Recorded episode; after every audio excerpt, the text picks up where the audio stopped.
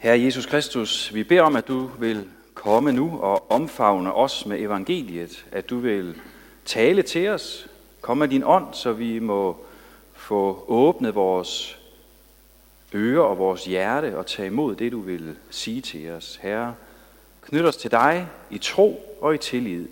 Amen. Vi skal i respekt for Guds ord rejse os og høre evangelieteksten til 10. søndag efter Trinitatis. Og den står i Lukas evangelie kapitel 19. Da Jesus kom nærmere og så Jerusalem, græd han over den og sagde, Vidste blot også du på denne dag, hvad der tjener til din fred. Men nu er det skjult for dine øjne. For der skal komme dage over dig, da dine fjender skal kaste en vold op omkring dig, belejre dig og trænge ind på dig fra alle sider. De skal jævne dig med jorden, og dine børn sammen med dig, og de skal ikke lade sten på sten tilbage i dig, fordi du ikke kendte din besøgelsestid. Så kom han ind på tempelpladsen, og han gav sig til at jage dem ud, som drev handel der.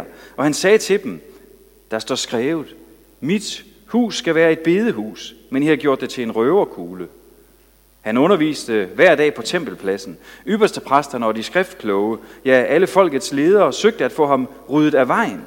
Men de kunne ikke finde ud af, hvad de skulle gøre, for hele folket hang ved ham for at høre ham.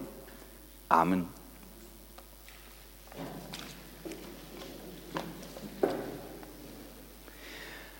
Ja, jeg ved ikke, om der er nogen, der kan genkende det, vi ser på skærmen her, men vi har sådan et, øh, sådan et dejligt udtryk, øh, at vi siger nogle gange, at der er nogen, der sidder klistret til skærmen. Er der nogen, der, der ved, hvad det er, der sådan kender det måske? Man kan også, øh, man kan også øh, have det der med, at man øh, sidder klistre til højtaleren eller til ørebøfferne. Ikke? Øh, altså, virkelig klistret til skærmen eller til ørebøffen. Det er jo det, der sker, når, når man nogle gange sådan er så optaget af en film, eller af øh, Facebook, eller Instagram, eller en fodboldkamp, eller nyhederne, eller noget musik, sådan at det nærmest bare fylder alt, og man bare må og skal følge med i det her. Man skal bare se og høre det hele tiden. Så har man øjne og ører klistret til skærmen eller til højtaleren. Vi har også sådan et andet udtryk om noget, der klistrer. Ikke? Altså, man kan sige, at, at, at kærester de klistrer til hinanden, når de altid er sammen. Ikke? Og de bare kun har øje for hinanden, så, så klistrer de til hinanden.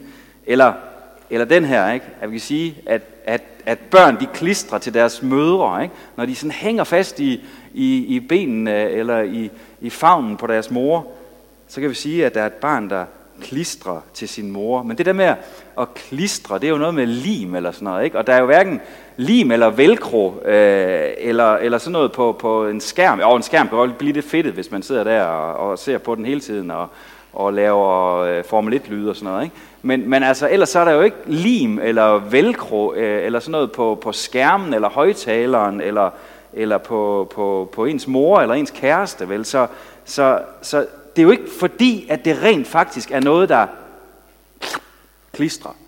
Men det er bare fordi, at der er noget, man er så glad for, og noget, man er så optaget af, at man hele tiden vil være ved det, og vil have med det her at gøre, at man hele tiden vil, vil, vil være der, så man ikke kan slippe det igen. Og egentlig, så, så er det sådan et rigtig godt udtryk for, hvad tro er. Det er et meget godt udtryk for, hvad tro er. Det er et udtryk for, hvordan livet med Jesus det er. Fordi tro, det er nemlig at have både øjne og ører klistret til Jesus. Sådan at vi ikke vil slippe ham igen. Fordi vi er så optaget af ham, at vi hverken kan eller vil undvære ham. Vi elsker Jesus så meget, at vi bare ikke vil slippe ham igen. Og når vi har det på den måde, så kan vi sige, at så er vi måske ligesom dem der, vi hørte om i teksten på tempelpladsen. Der stod om hele folket, der, når Jesus han var der på tempelpladsen og underviste, at så hang de ved Jesus. Altså, de var nærmest, de havde øjne og ører klistret til Jesus der på tempelpladsen. Fordi de havde set og hørt alt det fantastiske, som Jesus han gjorde, og det han sagde, og nu kunne de bare ikke slippe ham. De kunne ikke undvære ham. De ville høre mere. Sådan har den det, som tror på Jesus. Når vi har lært ham at kende og ved om alt det fantastiske, han har gjort, og at han har gjort det for os, ja, så, så vil vi ikke slippe ham. Når vi ved, hvor stor en kærlighed han har vist hver enkelt af os, når vi ved, hvad det er for en fred, han giver os, så har vi øjne og ører klistret til Jesus. Og så hengiver vi os til ham, og vi vil altid være sammen med ham. Vi vil ikke slippe ham. Så troens liv, det er faktisk det her med at være klistret til Jesus som vores herre og frelser. Og se, det er lige præcis den her tro på Jesus, som Senait og Robel vil sige ja til og bekræfte i dag ved deres konfirmation. Og ved hvad? Det er den tro på Jesus som vores Herre og vores frelser, som vi alle sammen bekræfter og siger ja til i vores daglige liv med Jesus. Både derhjemme i familien og på arbejdspladsen og om søndagen her i kirken. Det gør vi, fordi vi har fundet det allervigtigste i livet. Vi har nemlig indset, hvor er det, at den ægte og evige fred findes. Den findes hos Jesus, og derfor vil vi ikke slippe ham. Nej, vi vil sige ja til ham, og vi vil bekræfte livet med ham hver dag. Det her med, at Jesus er vores fred, det var lige præcis det, vi hørte, at han sagde til jøderne den dag, hvor han kom ind i Jerusalem før påsken. Der sagde han til dem, vidste blot du, altså du Jerusalem, for at tale om alle de mennesker, der, der boede der, vidste blot du, hvad der tjener til din fred. Bare du vidste, hvordan du skulle finde ro for dit urolige hjerte. Bare du vidste, hvordan du kunne finde hvile og ly midt i al verdens uro og konflikter. Midt i alle skænderier og bekymringer. Men det vidste de ikke. De havde hørt alt muligt godt om Jesus. De havde hørt ham tale, de havde set ham gøre en masse gode ting. Men alligevel havde de ikke indset, at frelsen og freden findes hos ham. Og derfor sagde Jesus, så gik de frem imod undergang og ulykke. De hang ikke ved ham, ligesom dem på tempelpladsen. Men de forkastede ham, og så blev de i deres ufred og deres ulykke. Vi har faktisk alle sammen brug for fred. Vi har brug for, at, der, at, at, at få den her fred, som Jesus han taler om. Fordi verden er så fuld af ufred og ulykke og konflikter. Der er krige. Der er diktatorer og undertrykkende ledere i verden. Der er ufred i familier og selv mellem gamle venner. Derfor har vi brug for fred. Den her verden har brug for fred. Men der er også en indre ufred, en indre uro. Vi kan have uro og angst og sorg og bekymring inden i, hjertet, inden i sindet. Fordi vi alle sammen er præget af det der uro og ufred og længe sådan efter fred. Det er sådan noget, alle mennesker deler. Vi kan være meget forskellige, og sådan en dag som i dag, så er der jo en herlig forskellighed her i kirken. Med forskellige øh, farver og forskellige højder, og nogle er lidt tykkere end andre, og, og nogle kan gemme det lidt bedre end andre herinde under og sådan noget. Ikke? Men nogle er gamle, må vi godt sige, uden at fornærme dem. Ikke? Og nogle af os er bare sådan der midt i et sted, og andre er unge. Hvor er der stor forskellighed her i kirken i dag. Men ved I hvad? Vi deler alle sammen det her med, at uro og ufred, det kan præge os, og vi længes efter fred. Men se, når vi så lærer Jesus at kende, når vi kommer til tro på ham, så finder vi ud af, at netop hos Jesus er der fred. Netop Jesus, han giver fred. Han giver os fred med Gud. Han giver os fred med Gud. Det er det, vi helt grundlæggende har brug for. Det er det, vi helt grundlæggende længes efter. At få fred med vores skaber. Når vi kommer til tro på Jesus og, og bliver døbt til at tilhøre ham, så får vi lov til at blive Guds børn, når vi tror på Jesus. Vi er ikke længere Guds fjender. Vi behøver ikke at frygte for fremtiden og for fortabelse.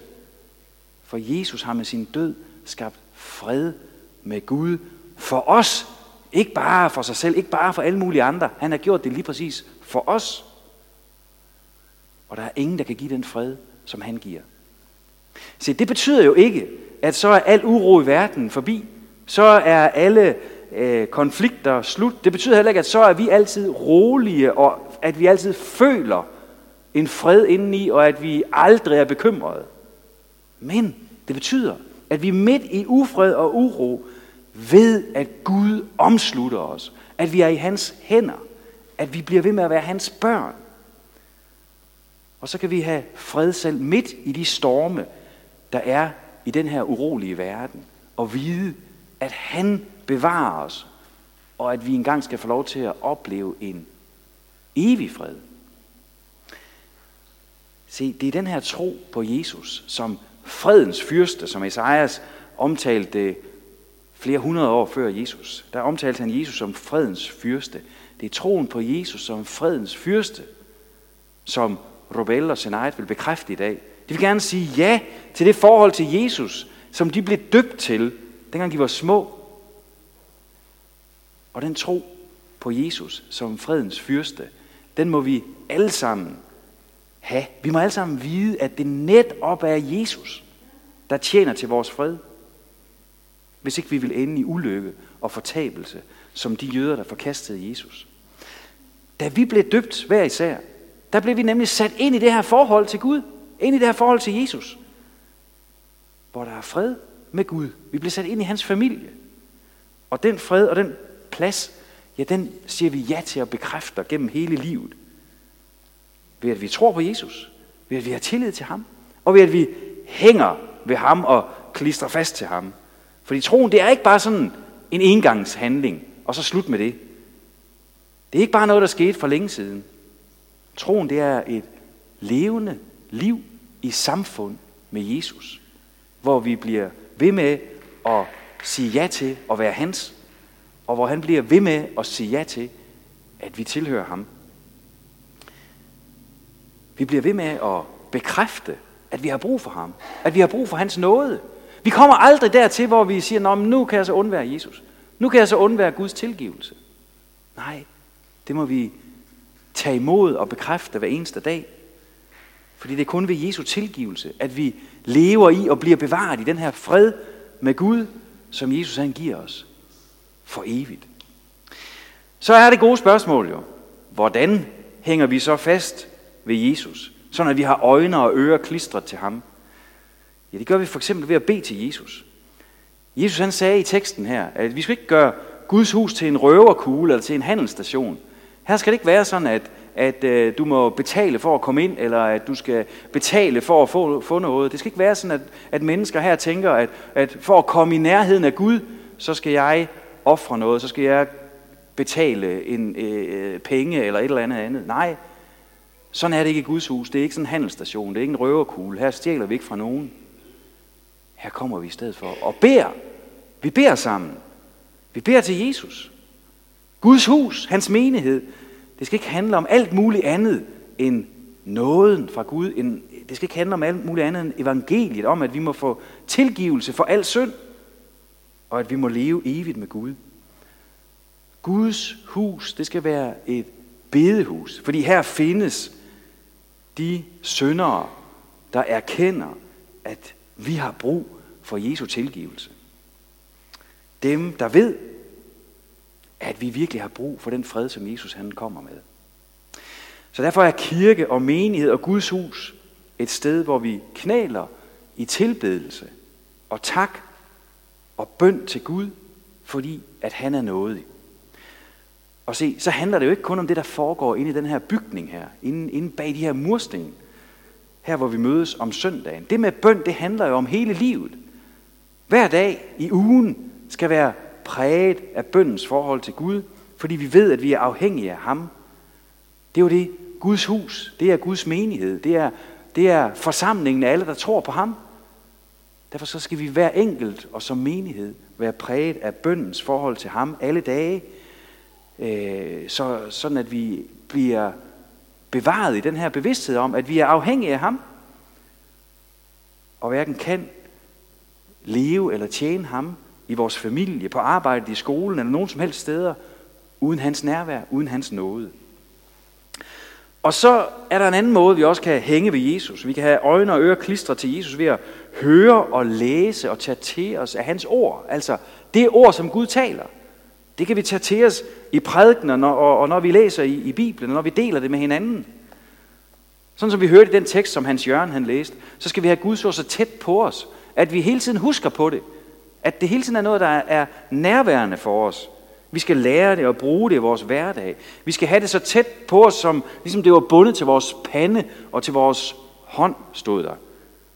Og det er fordi, at alle vores tanker, de skal være præget af Guds ord, de skal være formet af Guds ord, af Guds vilje, af hans evangelium. Og på hånden, fordi alle vores gerninger, alt det vi gør, det skal være mærket og præget af Guds ord og Guds vilje. Og så skal vi hænge ved Jesus og klistre til ham, når vi også indbyder til måltid, til nadvårens måltid her i kirken. Fordi her kommer Jesus selv og bekræfter sin kærlighed og sin fred til os. Og så skal vi huske på, at troen, det er ikke vores indsats. Det er ikke vores gerning. Det er et liv i samfund med Jesus. Det er ham, der både skaber troen i os og bevarer troen i os. Det er ham, der gør det. Hans øjne, de er også altid klistret på os. Han ser os altid. Han er vores hyrde, der holder fast i os. Og han siger selv, at ingen kan rive os ud af hans hånd. Det er godt, det ikke er os, der skal bevare troen. Det er godt, det ikke er os, der skal bære troen. Men vi må hvile i, at han bærer os. Han siger også, at ingen, der kommer til ham, vil blive vist bort. Sådan er han. Han tager altid imod os, og han holder fast i os. Gennem ordet og nadvåren, så kommer han til os og tager os ind til sig og bevarer os. Så for både unge konfirmander og for voksne og ældre, så gælder det altså, at vi må have øjne og ører klistret til Jesus og til hans ord, sådan at det ord det bliver grundlaget for hele vores liv. Det er det, vi bygger vores liv på. At tro på Jesus, det er at hvile i, at han er nok til vores frelse. Vi behøver ikke mere. Jesus har gjort alt. Han er nok til vores frelse. Vi må hvile i, at han er den eneste, der kan give os den fred, som vi sådan længes efter. Han holder fast i os. Han bevarer os i freden med Gud. Og han giver os vidshed om, at vi har tilgivelse for al synd, så at vi også hviler i håbet om det evige liv i hans rige. Amen.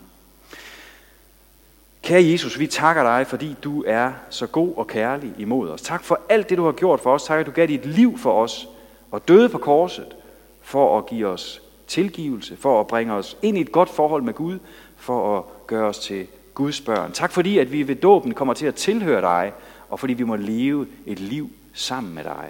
Herre, hjælp os. Hold os fast i troen, også når vi kommer i tvivl, også når det er svært at tro, også når der sker ting i vores liv, hvor vi mærker, at det stormer omkring os, og vi har svært ved at holde fast i dig. Så takker vi dig for, at du lover at holde fast i os. Bevar troen i os, i de unge, i alle, som er her til stede, så vi må få lov at se dig i det evige liv. Amen.